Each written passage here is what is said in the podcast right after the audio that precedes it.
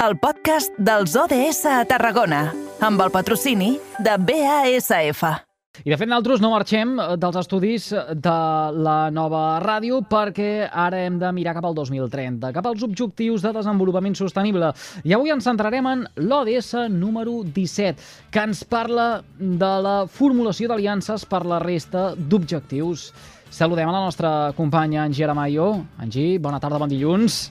Molt bona tarda, Eduard, igualment. I bé, com tu deies, eh? xarxa ODS número 17 per crear aliances a, per aconseguir la resta d'objectius. I, de fet, continuarem una cosa que ja vam fer fa 15 dies, que era parlar sobre el paper que juguen les cooperatives en l'economia circular. Però ara ho farem des de l'experiència. Així que saludem a Jordi Recordà, soci fundador de la cooperativa Insta, Serveis Jurídics Ambiental. Bona tarda i benvingut. Bona tarda a tots vosaltres, encantat d'estar aquí amb vosaltres. Jordi, com dèiem en la presentació, avui parlem de les cooperatives des de l'experiència. Ens podries explicar una miqueta com va néixer la cooperativa Insta i quins serveis sou, eh, són els que oferiu? Oh, I tant.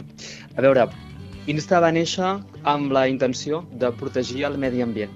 Per això eh, som exalumnes del màster de Dret Ambiental de la URB, d'aquí de Tarragona, que ens van motivar per poder unir el que és els nostres coneixements per poder doncs, a, a fer complir la normativa i que aquest compliment doncs, permeti de que tots podem gaudir d'un medi ambient més favorable, d'una major qualitat de vida. Aleshores, uh -huh. hem fet tota una evolució a la nostra, uh, al nostre projecte d'empresa de, i finalment doncs vam veure que coincidíem molt bé amb els valors de l'economia social i solidària i per això eh, la nostra pròpia doncs, empresa, que tenim al principi, va anar evolucionant fins a trobar que la situació actual ens encaixava molt millor amb la idea de la cooperativa.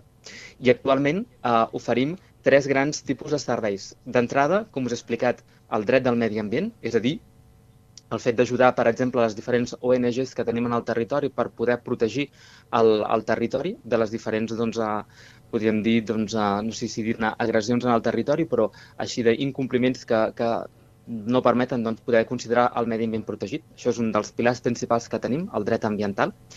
Un segon pilar molt important també és que eh, fem projectes del medi ambient, és a dir, a part de protegir-lo, el que fem és projectes, ensenyar, inspirar a la resta del territori quins són aquests projectes que poden ser compatibles entre el que és els objectius del desenvolupament sostenible, com heu dit vosaltres des del principi, i també doncs, la capacitat de poder guanyar-te la teva vida no? i de fer compatible l'activitat econòmica amb la protecció del medi ambient. I el tercer pilar més important, que de vegades ens deixem i que ens sembla molt oportú de poder-ho complementar amb els dos primers, és el tema de la participació del diàleg ambiental.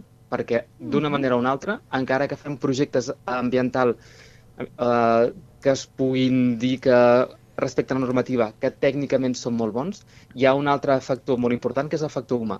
Si no som capaços de treballar conjuntament, serà molt difícil que puguem fer política ambiental. De manera que el diàleg i la participació l'incloem en els nostres projectes també. Uh -huh. I diries que el paper de les, de les cooperatives és prou conegut o quin, què és el més complicat a l'hora d'entendre com funciona i també uh, com es fa una cooperativa? Mira, et parlaré del meu exemple personal. Jo al principi, quan em parlàvem de cooperativa, pensava en cooperativa agrícola, perquè estic molt relacionat també en aquest àmbit, i aleshores no m'acabava de quadrar què podia ser això de crear una cooperativa de serveis, per exemple, com la que estem tenim actualment. Ara mateix ja estem formant part de diverses xarxes de, de, de una federació de cooperatives a tot, a tot Catalunya, i ara em sembla ja el més normal i penso que hi ha hagut tota una evolució a la societat que permet que avui en dia la paraula cooperativa ja no vagi associada a aquesta idea agrícola, sinó a una idea molt més àmplia que va molt lligada a aquests valors de l'economia social i solidària. És a dir, el de posar a l'humà al centre de la teva activitat com d'emprenedor. De, jo penso que quan em preguntes què és el més complicat, no et sabria dir si hi ha una cosa que fa més complicada el fet de ser una cooperativa o, o ser emprenedor, crear una, un altre tipus d'empresa.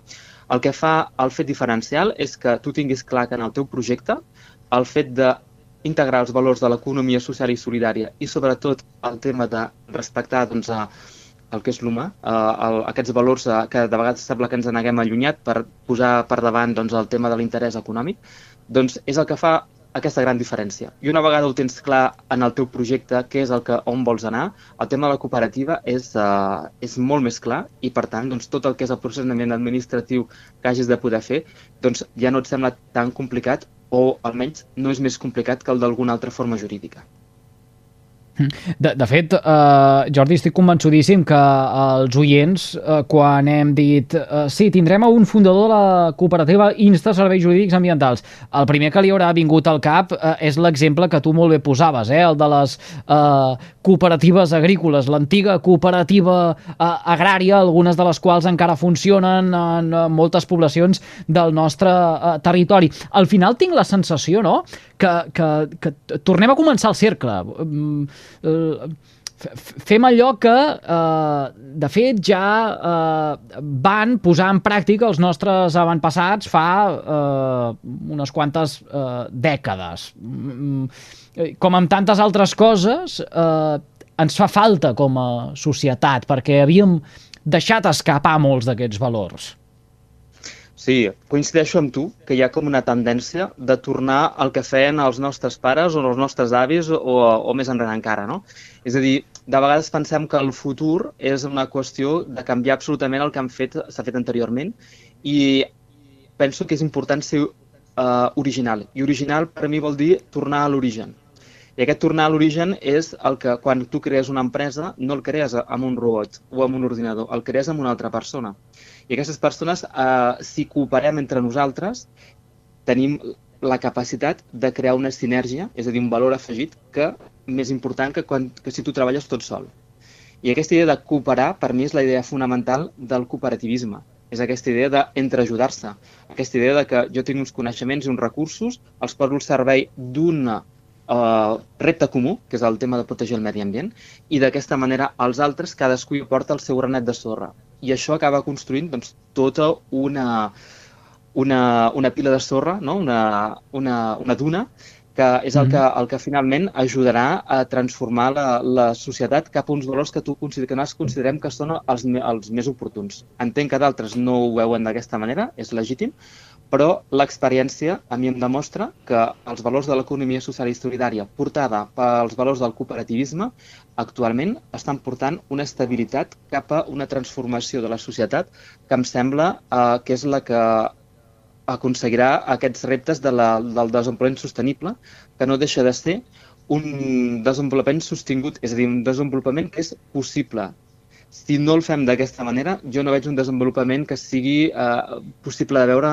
en el futur perquè no serà sostenible. És a dir, tant des d'un punt de vista ambiental o econòmic, acabarà caient. Uh -huh. I és que, uh, com explicava Jordi, aquesta necessitat de fer xarxa també eh, queda molt clara des de, des de la cooperativa Insta perquè justament us ajudeu a, a, us dediqueu a ajudar a altres a tirar endavant idees amb valors ambientals, perquè clar, potser a l'hora de tenir un projecte eh, al cap, tenim la idea, però no som prou coneixedors de la normativa del dret ambiental i de les necessitats per fer-lo una realitat. Exacte. Per nosaltres, el, el, per molta gent, creiem que el dret no deixa de ser com una cosa molt pesada, no? Allò de dir, ostres, ara aquests què ens vindran a fer? Ens vindran a imposar coses? Ens, eh, no ens deixaran fer el que volem fer. Nosaltres el, la mirada que els oferim és una altra. És la de dir, imagina't que tu ets un artista i que has de crear una obra.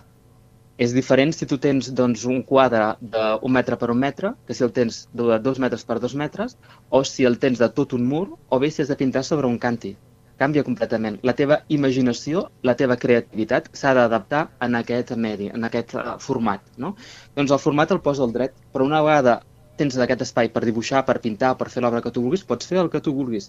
Però és, és important per donar peu a la creativitat el de tenir en compte aquest marc que s'ha de respectar. I si és, és per alguna cosa.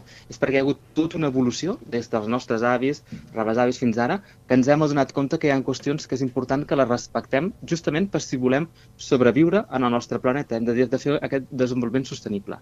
Això per una part. Mm. I per l'altra, quan em dius que estem acompanyant, doncs efectivament nosaltres volem ser actors eh, d'aquesta transformació de la societat i per tant estem participant activament, per exemple, en la transició energètica. Tenim, per exemple, doncs, el problema que esteu, segurament coneixeu, a, la, a les Terres del Tarragonès, que és que hi ha hagut molts molins de vent no? que s'han implantat per tot el territori que si algú de vosaltres tingut l'oportunitat de veure la pel·lícula Alcarràs, és aquest, aquest tema, no? Doncs Sí. què podem fer per poder oferir una alternativa? És a dir, per no quedar-nos en això que s'acusa als moviments ecologistes de ser de la política del no a tot, no? Doncs què es pot fer com a alternativa? Doncs nosaltres acompanyem a tot el moviment social que vol buscar una alternativa a constituir el que es diuen les comunitats energètiques, en les quals doncs, una agrupació de persones o de entitats uh, morals, no? com un ajuntament, empreses, etc, per tal d'agrupar-se i crear la seva pròpia energia. Ara, això doncs, permet ser uh, agrupar, doncs, uh, per exemple, un grup de veïns que en el seu terrat del seu edifici doncs, posin plaques i puguin produir la seva pròpia energia que consumiran ells mateixos o que bé que després podran, podran vendre en a, a, la- a la xarxa. No? Doncs nosaltres els acompanyem per crear doncs, aquesta forma jurídica que els hi permeti doncs, poder-se uh, crear aquest model que sigui alternatiu, que no depengui tant de les empreses externes i que els permeti empoderar-se. I ara mateix doncs, estem tenint un projecte aquí en el Tarragonès en el qual creuem aquest tema de comunitats energètiques i pobresa energètica, amb la qual cosa és un tema molt transversal que permetrà Mhm. que les persones més desafavorides puguin eh, crear, doncs, eh, puguin reprendre el seu poder en el seu futur, no? És a dir, que puguin eh, imaginar-se doncs, que poden realment sortir d'aquesta situació au- autoresponsabilitzant-se i creant projectes que els beneficin a ells i al conjunt de la societat, fent part d'aquest mm, gran projecte que es diu Transició Energètica.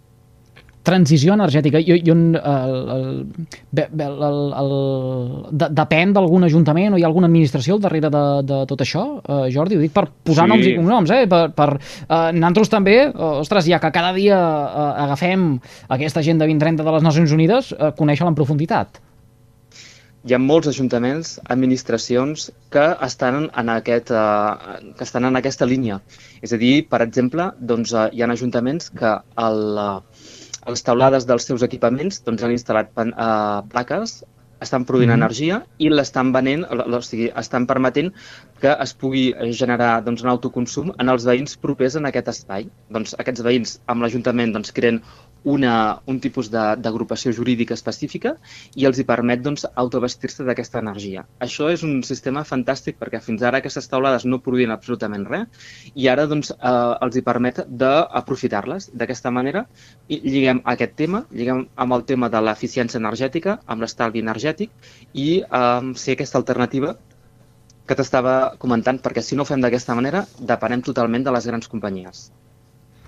Queda dit, uh, molt bona feina que uh, es fa des del territori, precisament amb uh, gent uh, del territori i que, uh, a més a més, uh, posa en pràctica tots aquells coneixements adquirits al territori, a la nostra universitat, com bé uh, ens explicava en Jordi uh, Recudà uh, a l'inici de l'entrevista. Ell és soci fundador de la cooperativa Insta Serveis Jurídics Ambientals. Jordi, moltíssimes gràcies per fer-nos confiança i despenjar-nos el telèfon.